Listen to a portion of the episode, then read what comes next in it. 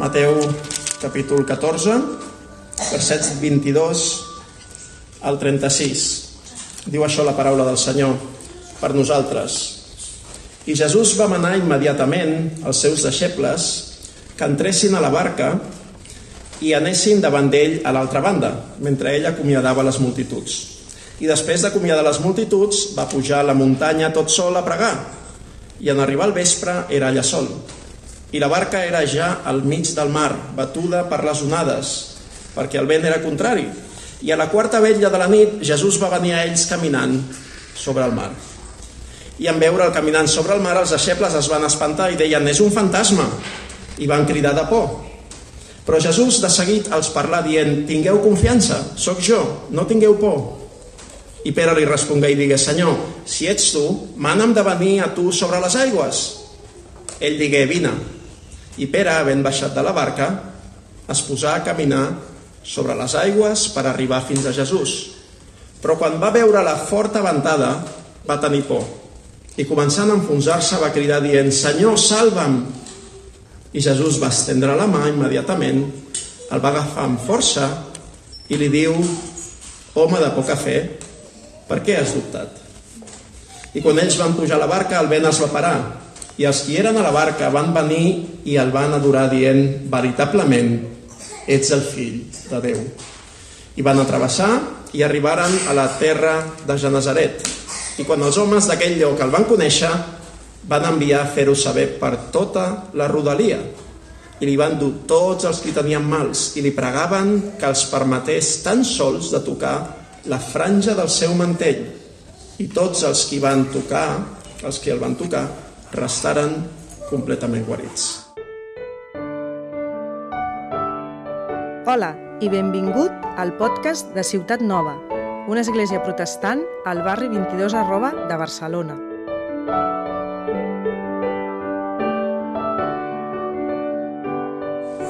Quiero empezar con una pregunta, y quizás es una pregunta sencilla, demasiado sencilla para este grupo, pero quiero que pensáis, penséis en, en, en la respuesta. ¿Quién era Jesucristo? ¿Vale? Quiero que penséis en cosas concretas. Um, ¿Y qué diferencia hace en tu vida lo que acabas de pensar? En tu día a día.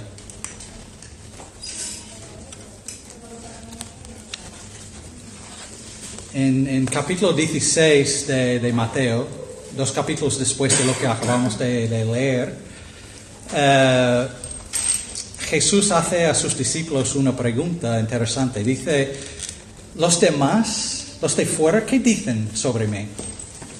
Y los discípulos responden, bueno, algunos dicen que eres Juan el Bautista, un profeta de, de aquel día, ¿no? Quien fue matado hace poco, ¿no? Otros dicen que eres Elías, el profeta de los profetas. Uh, otros dicen Jeremías.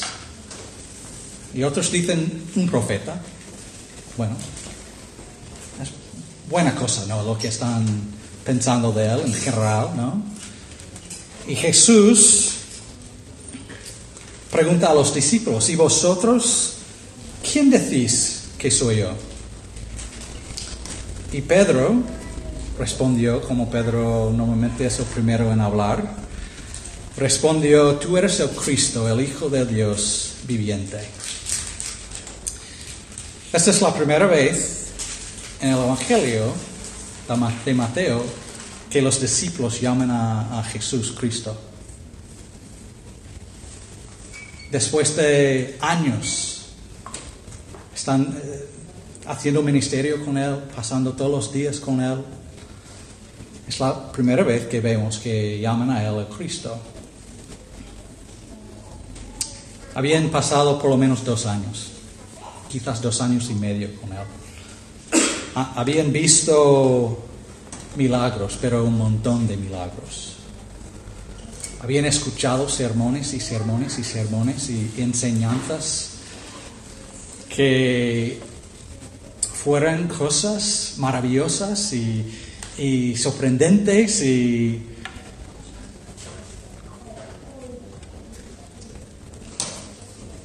Pero después de todo esto, llegaron a la conclusión que era el Mesías, el Cristo, el ungido de Dios que iba a venir a, a salvar al pueblo de Dios de la opresión en que vivían. ¿Por qué estoy hablando de esto? eh? Es porque cuando leemos los evangelios tenemos que entender que los discípulos no entendían a Cristo, a Jesús, como nosotros hoy en día entendemos. Estaban en el proceso de conocerle a través de hablar con Él, escuchar sus enseñanzas, experimentar ministerio con Él, ver sus milagros. eh, y estaban averiguando quién es este hombre. Pero en general, por la mayoría de este tiempo, no tenían claro exactamente quién era.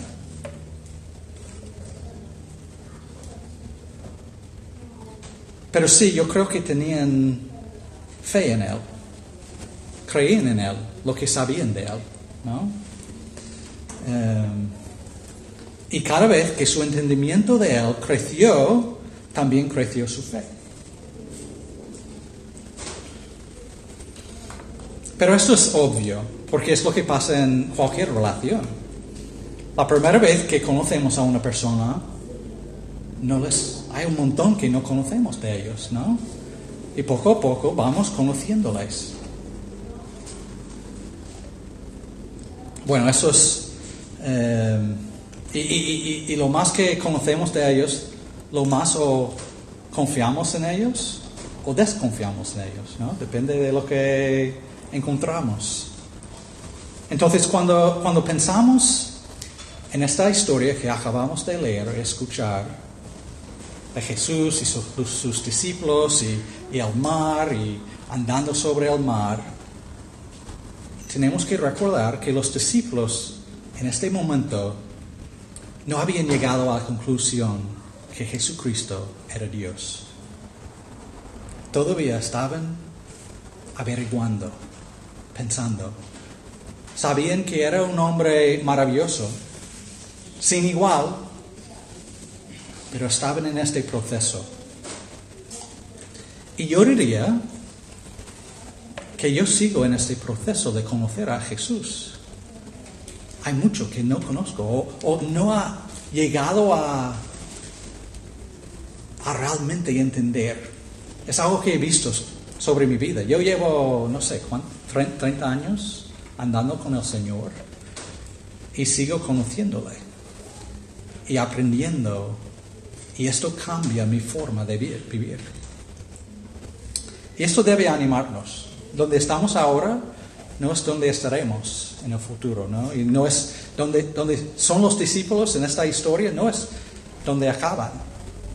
Están en este proceso de conocer y andar y seguir a Jesucristo. Y eso es buena cosa.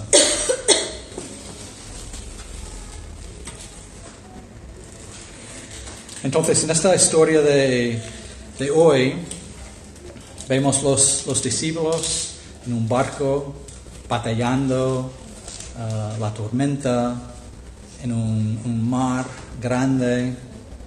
Am, vemos a, Cristo andando sobre el mar, salvando a Pedro, ah, calmando la tempestad.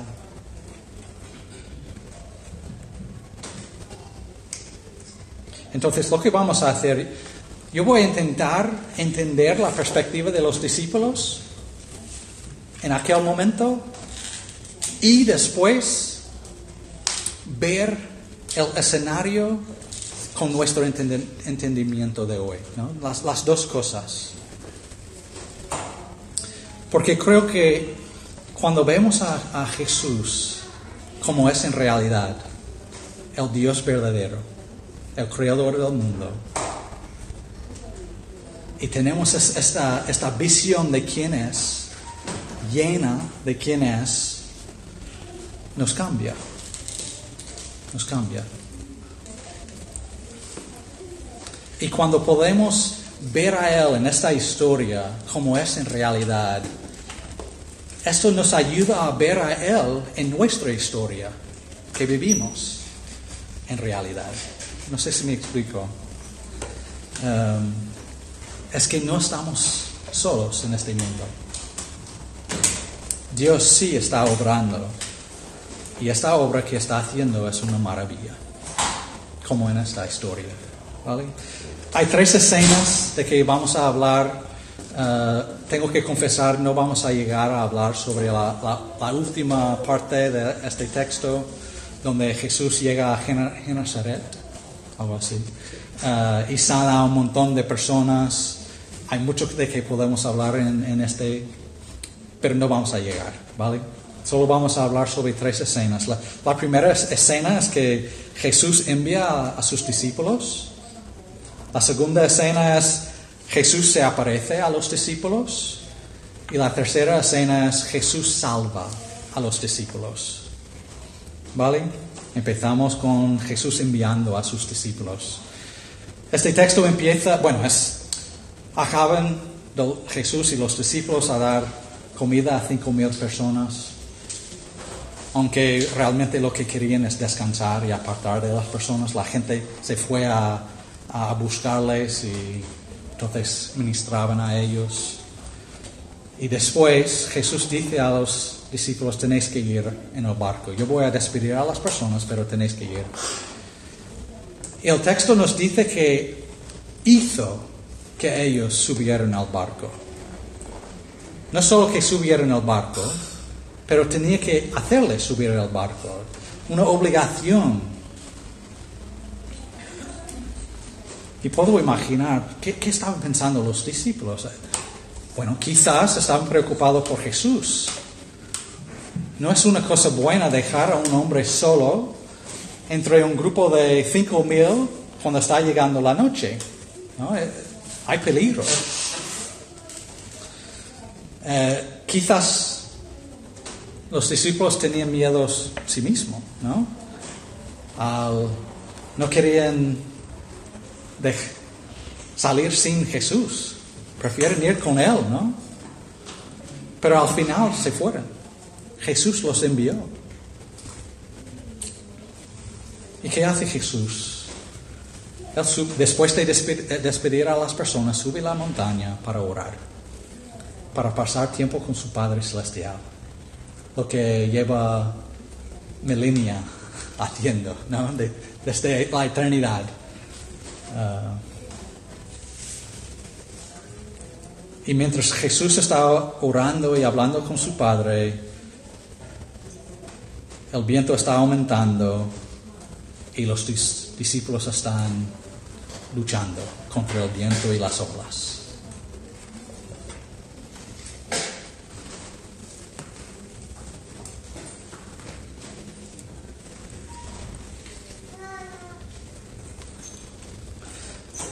Desde nuestra perspectiva hoy,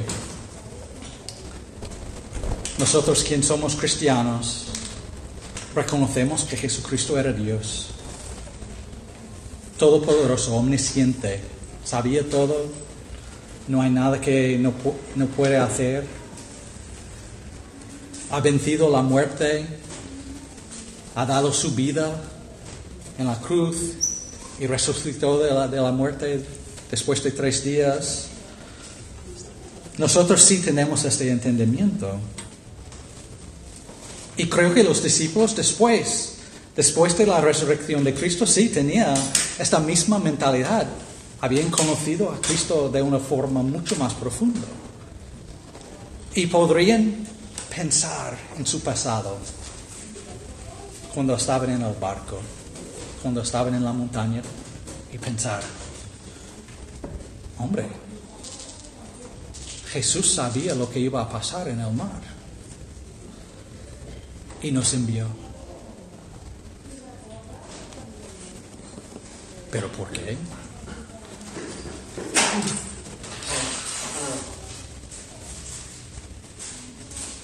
Dios envió sus, sus discípulos amados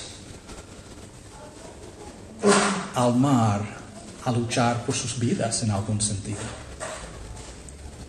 No sé si sabes esto, pero en el Antiguo Testamento y en los tiempos de Jesús en el Medio Oriente donde estaban viviendo, el mar representaba caos, sufrimiento, la muerte. Cuando nosotros pensamos en el mar, pensamos en las vacaciones, la playa, pensamos en descansar y, y disfrutar, ¿no? Pero no era así en aquel día. No pensamos en el mar así. Ellos pensaban, bueno, peligro, caos. Las cosas en el mar, en el mar están fuera de control, fuera de control. ¿no? Gracias, gracias. Job, sufriendo, ¿no? Perdió todo.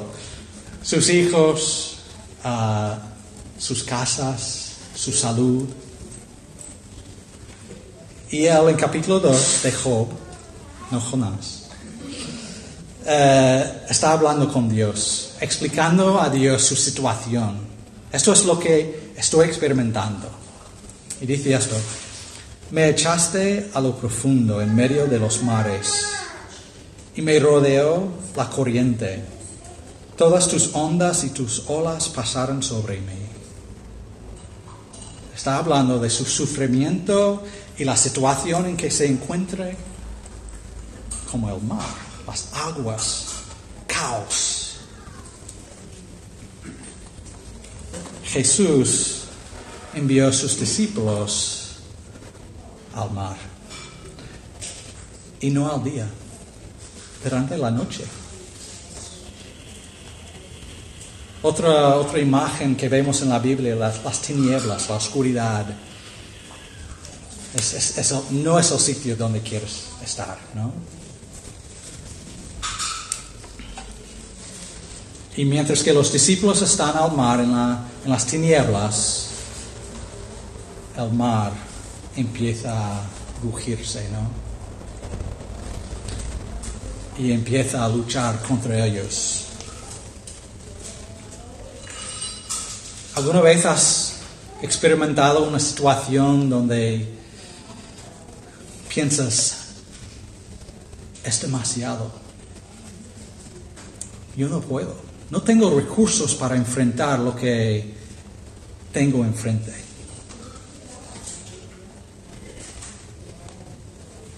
Yo sí. Mucho. Muchas veces me siento como Dios me había enviado en medio del mar y hay una tormenta y no soy capaz. No tengo lo que necesito para sobrevivir. Yo quiero huir. Quiero rendir ante esto y decir no puedo más.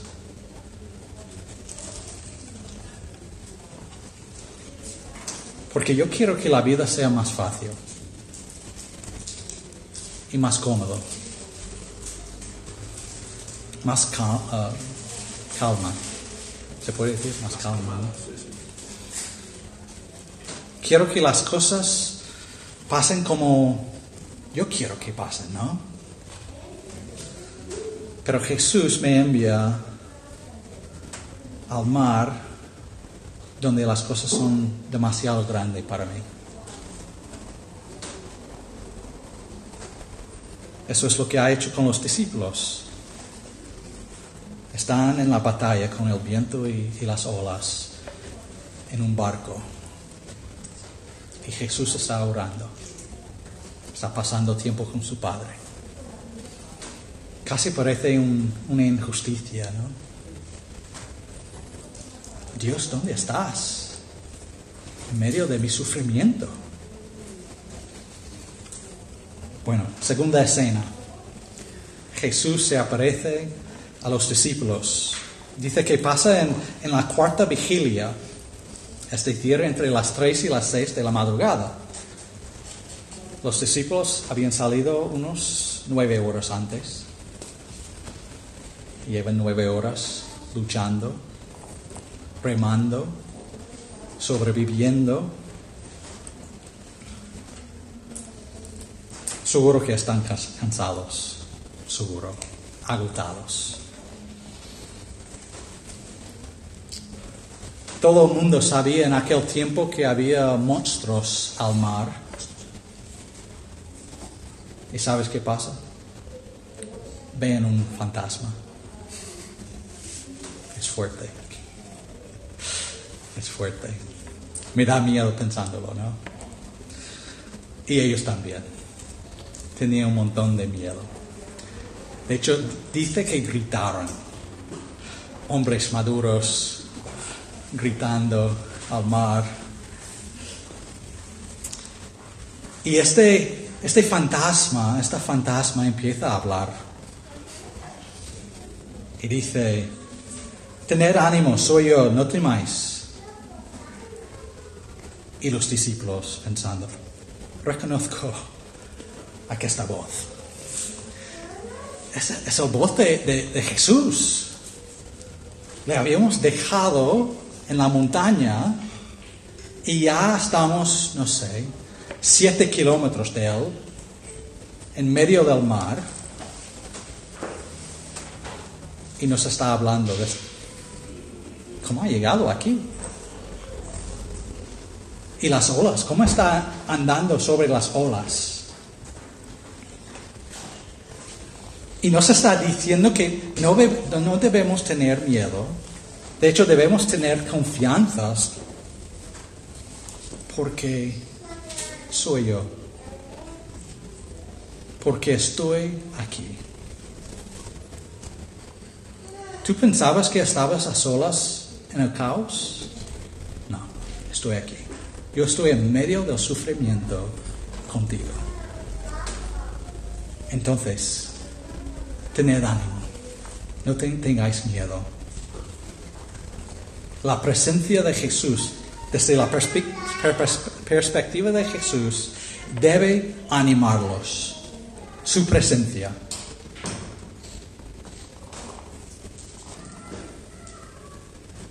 Debe echar todo miedo. Jesús está con ellos.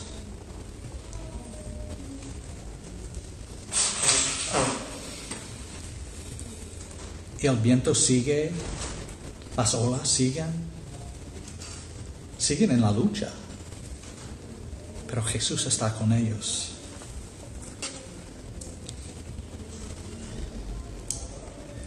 Si piensas en, en un momento en tu vida donde has experimentado algo así, estas circunstancias caóticas, circunstancias donde te sientes, esto es demasiado para mí. ¿Dónde estás, Dios?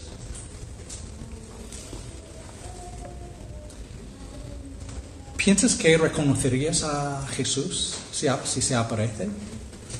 Los discípulos no al principio. ¿Cómo sería si Jesús se aparece en medio de, tu sufrimiento, de tu miedo, de tus circunstancias imposibles? ¿Cómo sa- sa- sabrías que es Jesús? Yo tengo algunas ideas. Voy a daros una pista. No son las ideas correctas. Si Jesús se, apare- se aparece en medio de, todo esto, todo lo que me da miedo será echado fuera. Él quitará todo lo que me da miedo. Yo tendría claridad para tomar cualquier decisión. No tendría ninguna duda. Mis niños seguirían a Cristo todos los días de su vida. Yo nunca sufriré ni mi familia. Yo no tendría preguntas ni dudas. Nunca tendrá la, la duda de si voy a poder llegar al fin de mes. Si Jesús se aparece, esto es lo que estoy esperando, ¿no? Yo creo que muchos de nosotros estamos esperando, si Jesús está con nosotros, Esperamos que Él arregle todo ya. Pero no, es lo que hizo para los discípulos. Estaban luchando nueve horas en el mar. No es poca cosa. E incluso cuando llegó, no calmó la tormenta. Las olas y el viento seguían. Solo viene con su palabra diciendo, tened ánimo, soy yo, no temáis. Me hace pensar en Isaías capítulo 20 43. Mas ahora así dice el Señor tu Creador, oh, oh Jacob, y el que te formó, oh Israel, no tema- te- temas, porque yo te he redimido, te he llamado por tu nombre, mío eres tú. Cuando pases por las aguas, yo estaré contigo, y si por los ríos no te enegarán, enejarán. Cuando pases por el fuego no te quemarás, ni la llama te abrazará, porque yo soy el Señor tu Dios, el Santo de Israel, tu Salvador. Entonces, ¿cómo sería si, si Jesucristo se aparece en medio de nuestro caos, nuestro sufrimiento, nuestras imposibilidades? Sería como No, no sería como Él salvándonos de todo esto. Sería más como su presencia, su promesa de estar con nosi- con nosotros.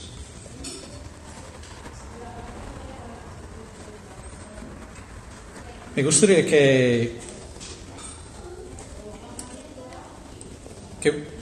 salimos de esta historia del mar y vamos a una historia mucho más grande, empezando con la creación donde Dios creó el mundo. Y cuando creó el mundo, todo estaba muy bien. No había ningún problema,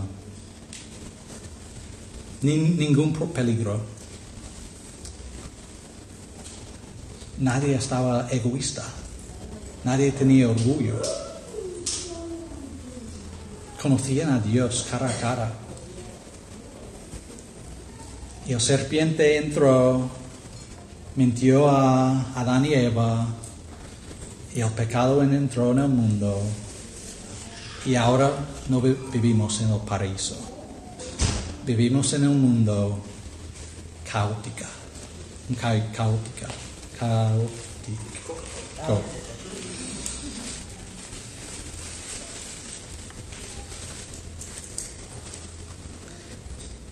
Y Dios, viendo la rebelión de este mundo, el pecado de este mundo y el caos de este mundo, pensaba,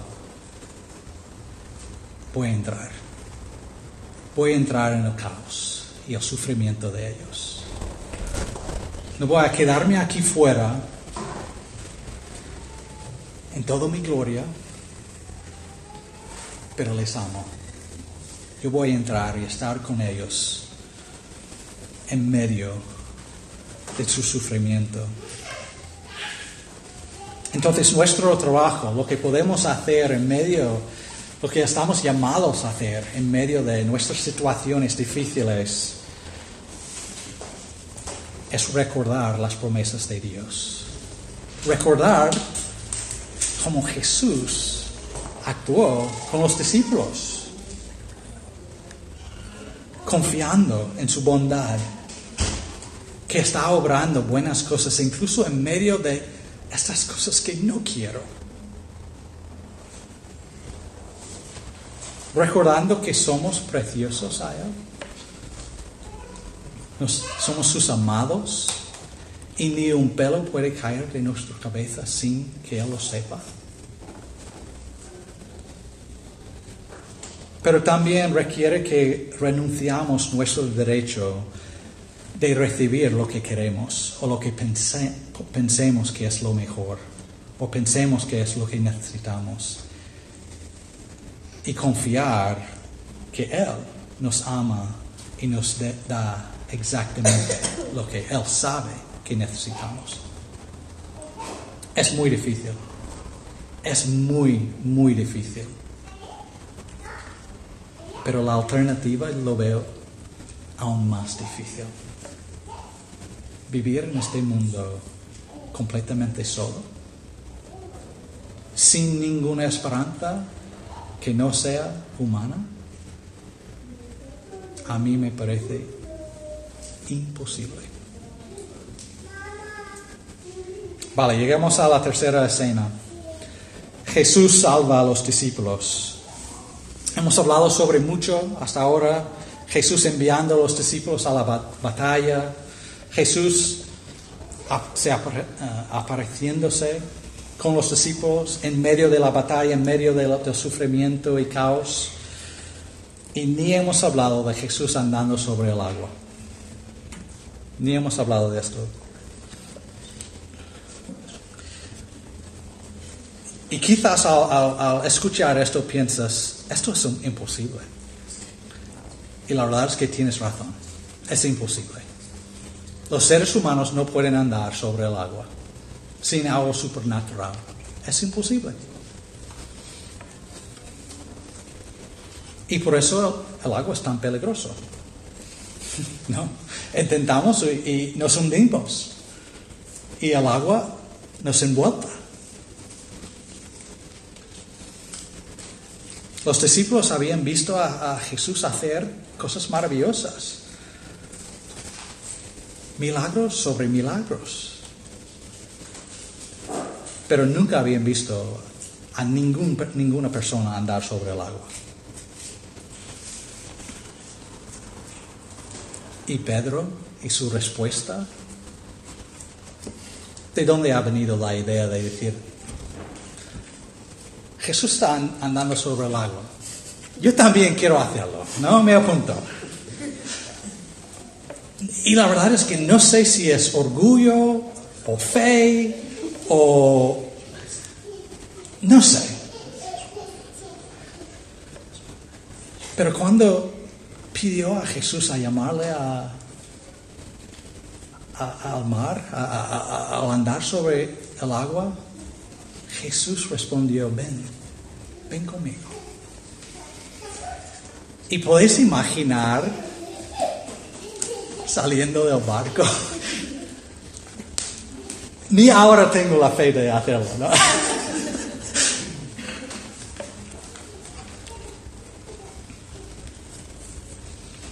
Y en medio del caos y la tormenta, Pedro anda sobre el agua. O mejor dicho, Jesús hizo que Pedro ande sobre el agua, ¿no? Pero Pedro empieza a, pensar.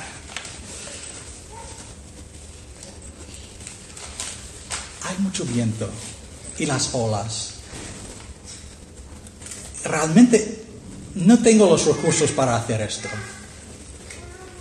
Quitó sus ojos de Jesús y empezó a fijarse en las olas, en los problemas, ¿no?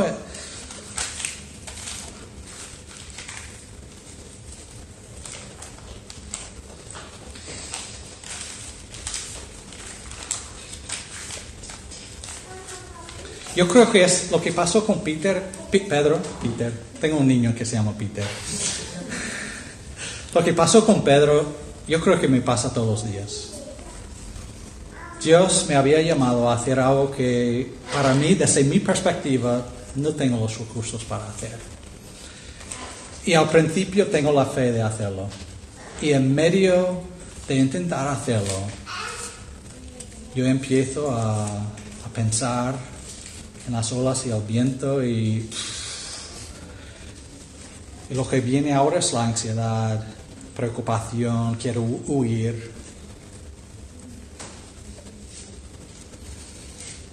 Es agobiante. ¿Habéis experimentado esto?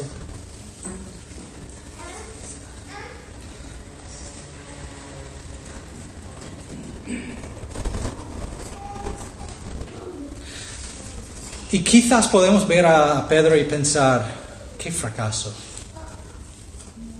¿Sabes? Eh, no lo veo así.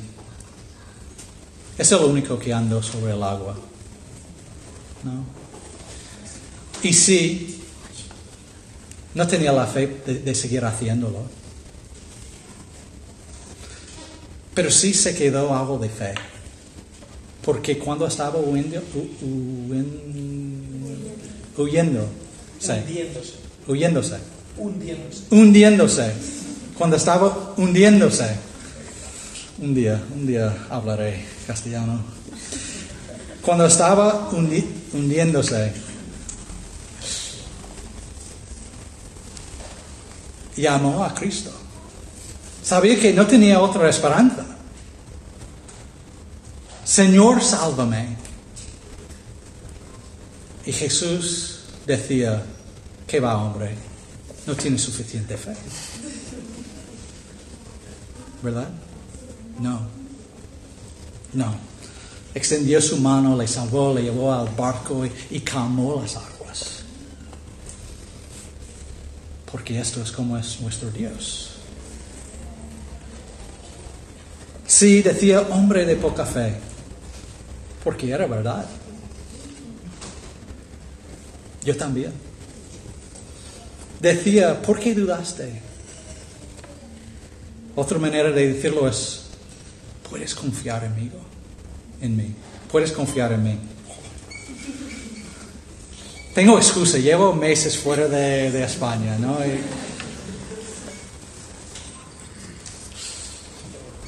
¿Alguna vez has pensado, ojalá que tenía más fe en Cristo? Sería buena cosa. Debemos orar por más fe, ¿no? Pero el poder de nuestro, no es nuestra fe. No es la fuerza de tu fe, sino la fuerza de aquello en, que, en lo que pones tu fe. La fuerza viene de Cristo, no de ti.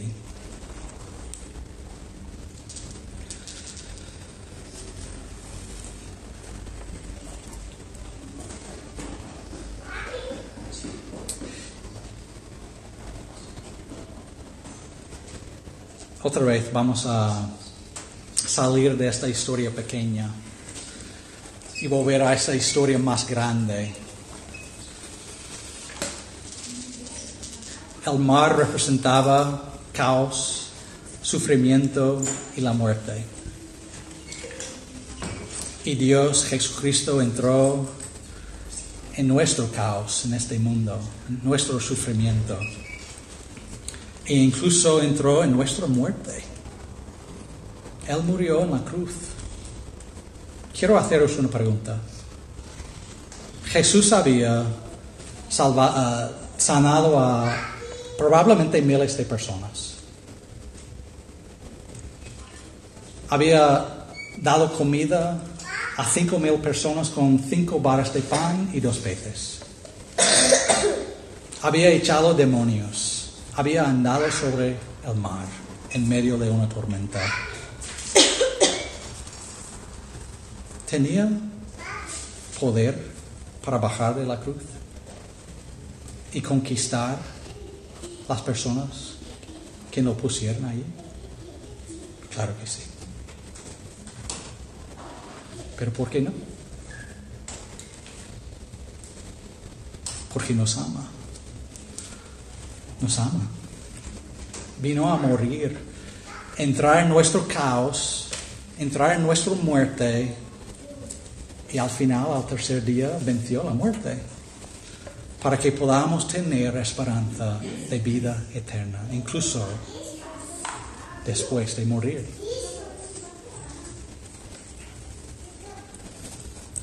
Nuestro Dios. Y los discípulos respondieron a él y le adoraron, diciendo, en verdad eres hijo de Dios.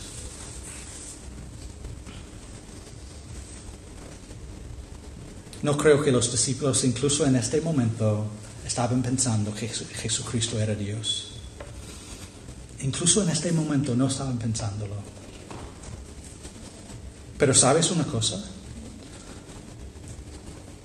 Le habían conocido más en esta experiencia. ¿Sabes? Tenían más confianza en Él. Jesús sabía, sabía exactamente lo que necesitaban.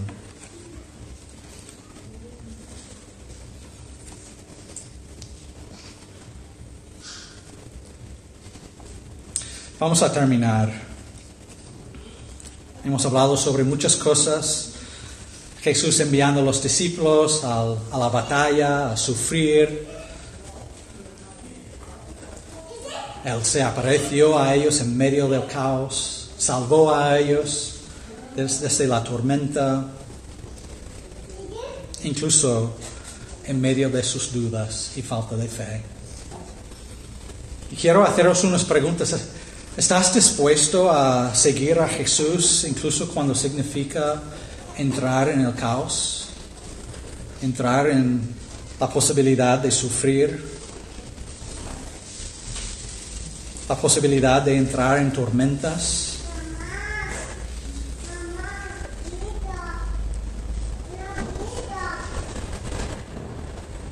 ¿Lo harías si sabías que significaba que ibas a conocerle más y confiar, confiar en él más?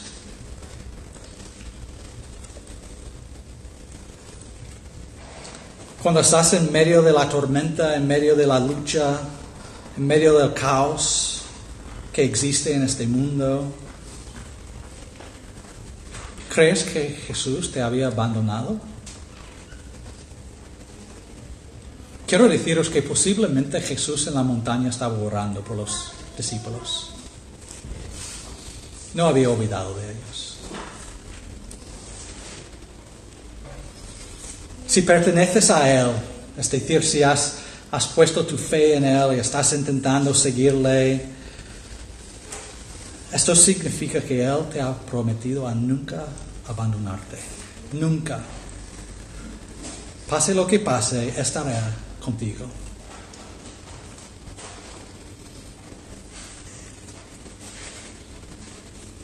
Y quizás estás pensando ahora mismo, ojalá que tuviera más fe. Mi consejo es pensar en tu salvación, es decir, pensar en Jesucristo y lo que hizo tener relación contigo, relación reconciliada contigo. Lo que estaba dispuesto a sufrir por ti. ¿Qué o quién más merece tu confianza? ¿Quién te ha amado más que Él? ¿Quién ha sacrifi- sacrificado más para tener una relación contigo? Y quizás estás aquí hoy estás pensando, la verdad es que quiero creer, quiero tener fe, pero no la tengo. Yo tengo amigos que me han dicho esto.